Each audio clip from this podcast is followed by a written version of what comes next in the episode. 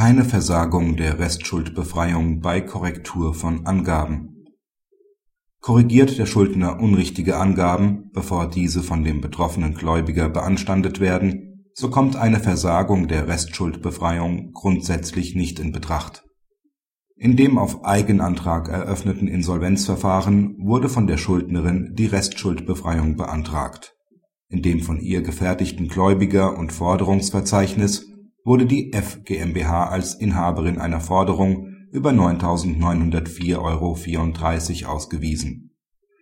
Über ein halbes Jahr später übersandte die Schuldnerin dem Insolvenzverwalter einen Pfändungs und Überweisungsbeschluss, aus dem hervorging, dass der Beteiligte zu eins und nicht die F GmbH Inhaber der Forderung war. Der Beteiligte zu eins berief sich gegenüber dem Insolvenzgericht auf seine Gläubigerstellung und beantragte die Versagung der Restschuldbefreiung. Der Schuldnerin wurde daraufhin die Restschuldbefreiung versagt. Die hiergegen gerichtete Beschwerde hatte Erfolg. Eine die Versagung der Restschuldbefreiung rechtfertigende Pflichtverletzung liegt nicht vor. Insbesondere der Versagungsgrund des § 290 Absatz 1 Nr. 5 InSo ist nicht anzunehmen.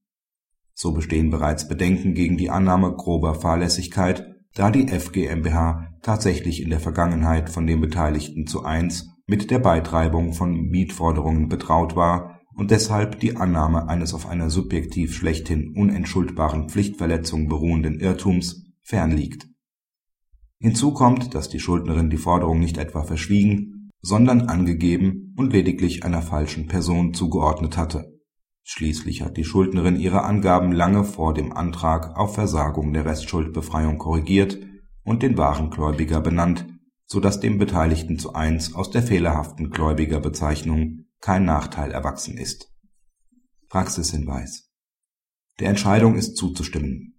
Gleichwohl ist Schuldnern zu möglichst hoher Sorgfalt hinsichtlich der im Verfahren notwendigen Angaben zu raten. Bleibt bei einer vor Korrektur erfolgten Beanstandung durch den betroffenen Gläubiger doch das Risiko der Versagung der Restschuldbefreiung